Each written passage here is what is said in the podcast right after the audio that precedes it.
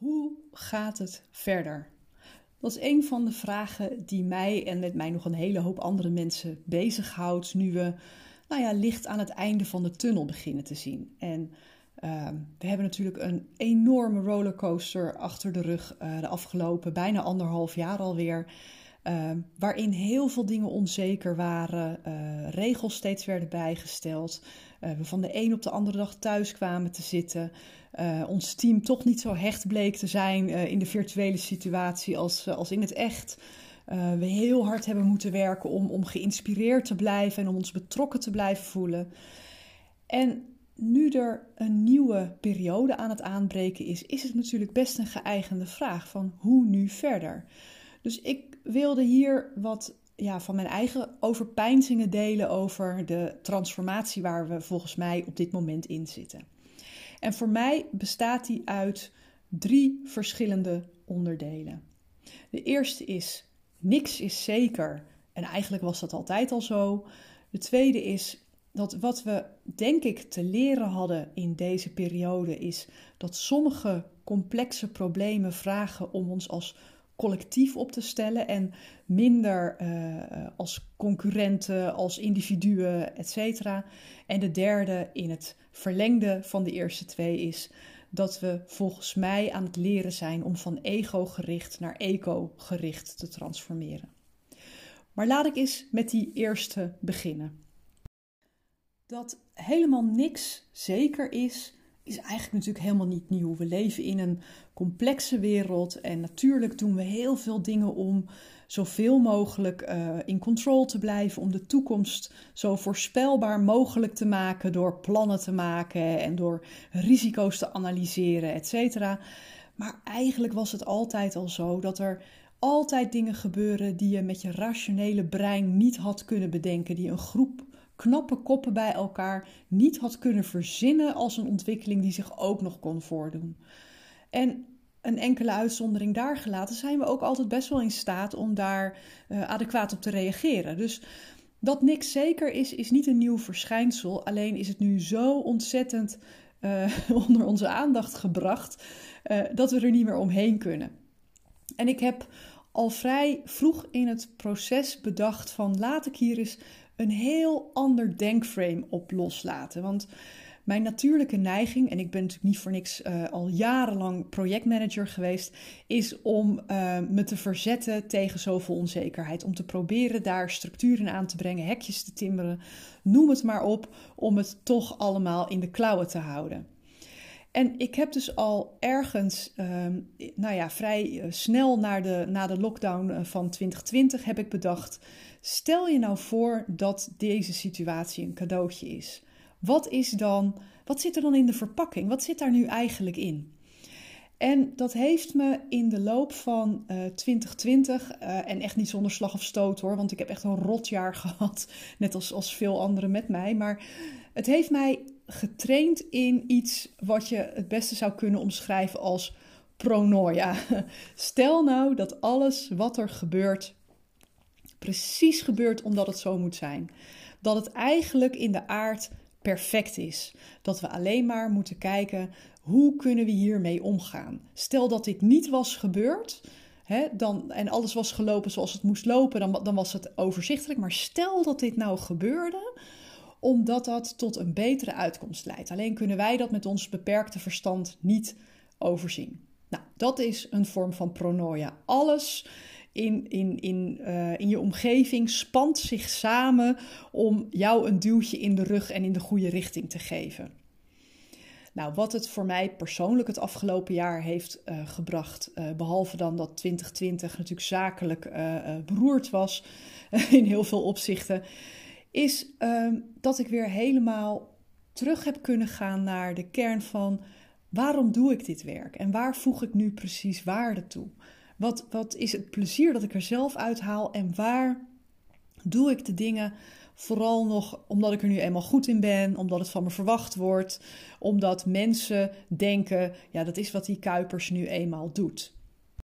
En ik kwam tot de conclusie dat ik eigenlijk maar een, een beperkt stukje van mijn uh, kennis en vaardigheden laat zien aan de buitenwereld. Want professioneel uh, hou ik me vooral bezig met organisatieontwikkeling, verandermanagement, uh, groepsdynamiek, hè, teamcoaching, dat soort zaken. Maar wat ik maar heel beperkt liet zien, is dat ik tegelijkertijd al jarenlang in een heel intens persoonlijke uh, groeitraject zit. Dat ik continu bij hele verschillende leraren um, aan mezelf aan het werken ben. Aan mijn binnenkant, aan mijn mindset, aan mijn, uh, uh, mijn energie, aan mijn impact aan het werken ben. En dat waren allemaal dingen die ik min of meer als een soort ja, privé-aangelegenheid beschouwde. Maar naarmate ik dat um, wat meer ging laten doorcijpelen in mijn werk, merkte ik dat het me veel meer energie gaf. En dat ik ook het idee had alsof ik ja, een soort van um, uh, niet meer een geheim hoefde te bewaren. Dat ik echt totale openheid kon geven. En sinds dat gebeurt, zitten mijn, uh, mijn groepen uh, steeds voller. mijn leergang is enorm gaan lopen. Ik heb een heel nieuw programma ge, um, gelanceerd, Changemakers.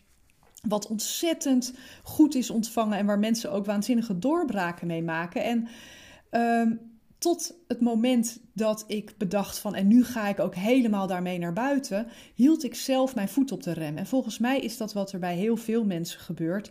Uh, ze houden hun voet op de rem en leven daarmee niet helemaal het potentieel wat ze zouden kunnen leven. En ze maken het leven ook niet zo leuk als het zou kunnen zijn. Maar goed, even terug naar, naar het thema waar we het over hadden pronoia. Stel dat deze periode een, een, een, eh, een reden had, hè, dat het zo moest gebeuren omdat daar een cadeau in zit. Um, vraag jezelf eens af: wat is de waarde voor jou die in deze periode heeft gezeten? Wat, wat is het inzicht wat het je heeft gebracht? Wat. Um, Waar wil je veel meer van gaan doen? Wat ben je misschien veel meer gaan doen? Maar ook wat heb je los kunnen laten in de afgelopen fase? En wat wil je in een volgende periode niet meer tolereren in je leven?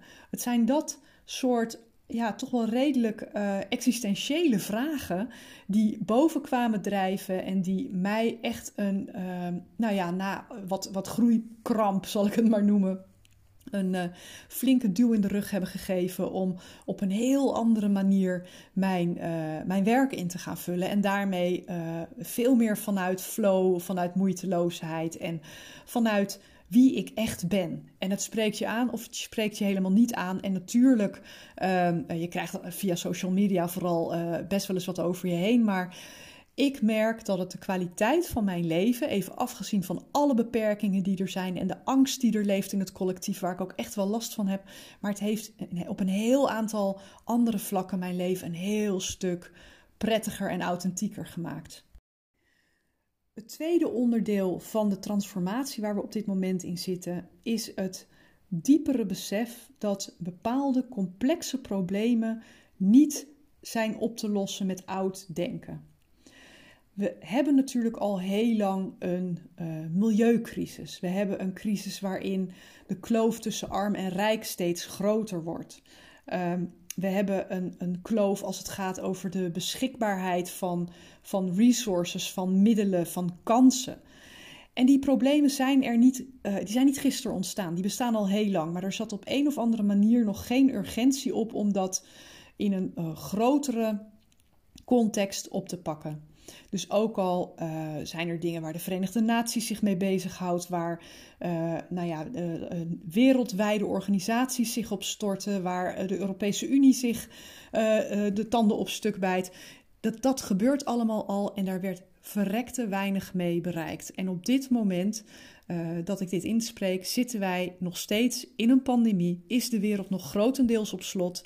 En zijn we bezig met grootschalige vaccinatiecampagnes, waar ook weer voor- en tegenstanders van zijn. Maar één ding is heel helder: op het moment dat wij dit niet collectief aanpakken.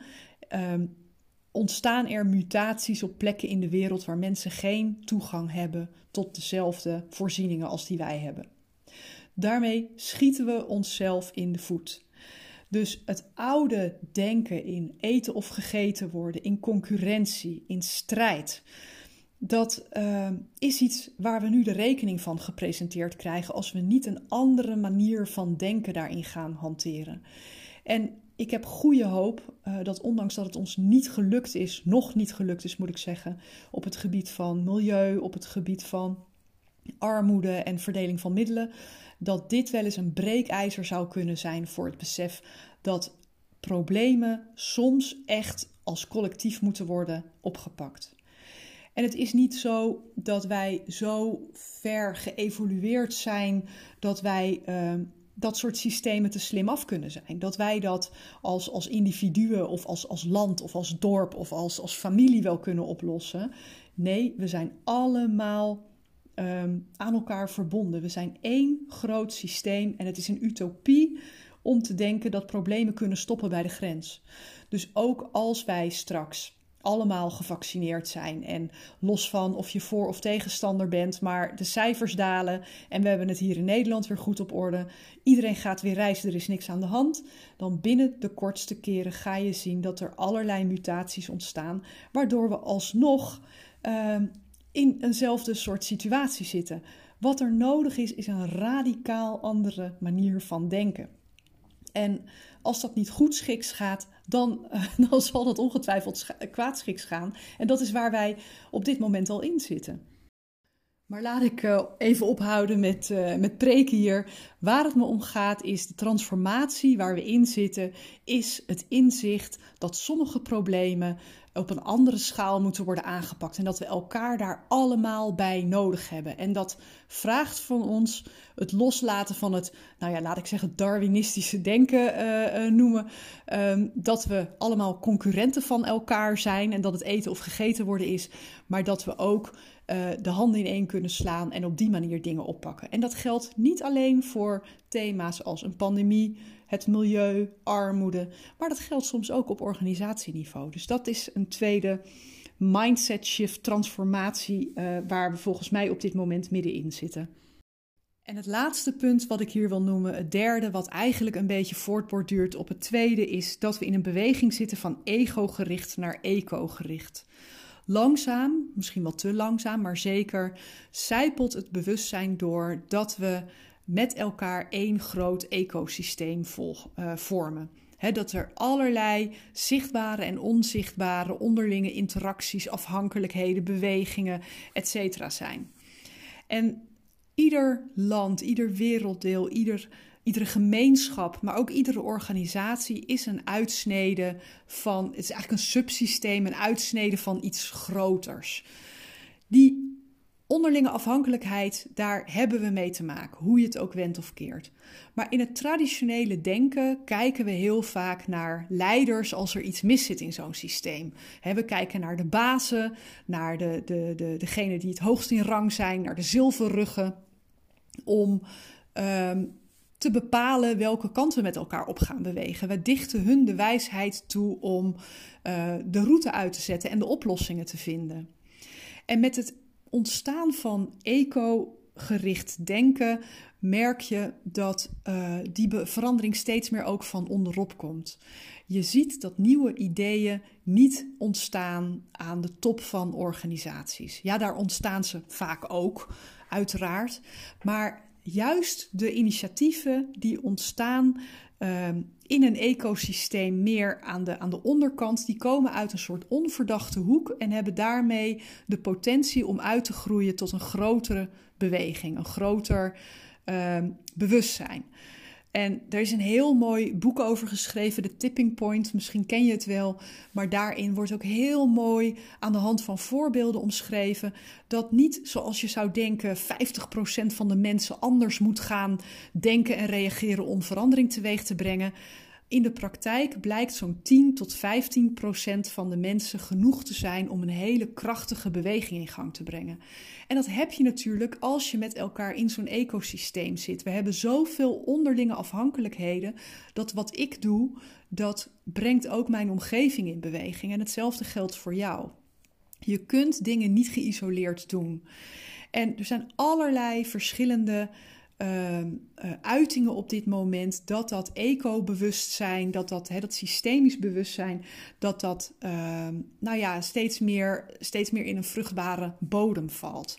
Ehm, het is natuurlijk al een tijd aan de gang dat bewegingen als uh, meer de, de, de, de, de idealistische bewegingen, of soms ook de militante bewegingen als, nou, noem eens iets, gele hesjes.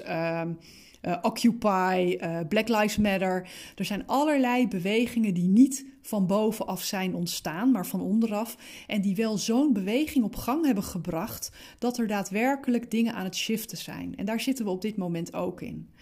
En voor mij heeft dat heel veel betekenis voor uh, hoe we leiderschap omschrijven. Want leiderschap begint hele andere kenmerken te krijgen. Dat gaat veel meer over positieve impact hebben uh, op de mensen om je heen. Om uh, uh, waarde toevoegen uh, aan het grotere geheel. Dus niet vanuit jezelf, niet zelfverrijking, niet pakken wat je pakken kan. Maar kijken hoe kan ik door mijn denken, mijn handelen, mijn acties, hoe kan ik het voor ons allemaal beter maken. En die vorm van leiderschap is helemaal niet voorbehouden aan de mensen in de top van de organisatie. Sterker nog, ik denk dat we daar allemaal een verantwoordelijkheid in hebben, ongeacht de rol waar we in zitten. Maar juist als leidinggevende, middelmanager, uh, maar ook informele leider als projectleider of adviseur, kun je door ja, de aard van het werk kun je die, die ripple kan je nog veel krachtiger maken. Kan je nog veel meer mensen mee beïnvloeden. En dat is voor mij ook de reden om uh, volgende week vanaf 31 mei uh, een vierdaagse inspirerend leiderschap te organiseren. En daarin ga ik nog veel meer in op de bewegingen die er allemaal zijn, maar ik ga hem vooral heel praktisch maken. Ik ga vier dagen lang beginnen we de dag om 9 uur met een korte masterclass waarin ik ook heel praktisch de handvatten deel van hoe kun je vandaag al beginnen met handen en voeten geven aan nieuw leiderschap. Hoe kun je vandaag al positief verschil gaan maken. Nou, vind je het leuk om daaraan mee te doen? Uh, uh, meld je alsjeblieft aan. Ik zal de link in de show notes zetten of zoek op mijn website implementatiedokter.nl naar uh, vierdaagse streepje inspirerend streepje leiderschap. En word deel van die beweging van nieuwe leiders. Daar hebben zich al een paar honderd mensen aangemeld. Sommige mensen hebben ook al aan een eerdere editie meegedaan en vinden het heel fijn om op deze manier te blijven werken aan hun eigen impact en aan hun eigen uh, nou ja, positieve waarden. Dus um, dat is voor mij een teken dat het, dat het heel waardevol is. En uh, ik probeer hier zoveel mogelijk mensen mee te bereiken. Dus of je nu zelf mee wilt doen of je wil met je hele team meedoen, je bent van harte welkom. En weet dat als je agenda al vol staat, elke ochtend om 9 uur, als je je toch aanmeldt, krijg je na afloop de opname en kan je direct meedoen met de oefeningen, de werkboeken, et cetera. Dus kun je meteen al verschil gaan maken en ook gaan ervaren wat dat met je, met je werkplezier doet. Wat dat doet met de manier waarop je in je professionele leven staat, maar ook in je gewone leven staat. Want uh, dat durf ik wel te beweren inmiddels. Dus voel je uitgenodigd. Ik zou het heel leuk vinden om je daar te zien. En los daarvan um, hoor ik heel graag hoe jij kijkt naar de transformatie waar we in zitten. Wil je eens met me delen um, wat je inzichten zijn in deze podcast? Of jij nog andere dingen ziet waarvan je denkt van... hé, hey, dat is volgens mij ook waar we nu middenin zitten. En uh, nou ja, ik zou het heel leuk vinden als je me daar uh, een, een, mailtje over stuurt... of even een uh, direct message via Instagram of via LinkedIn. Dus um, hoe dan ook, treed met me in contact, vind ik hartstikke leuk. En ik tref je natuurlijk ook graag volgende week weer bij de volgende editie van de Nieuwe Leiders Podcast.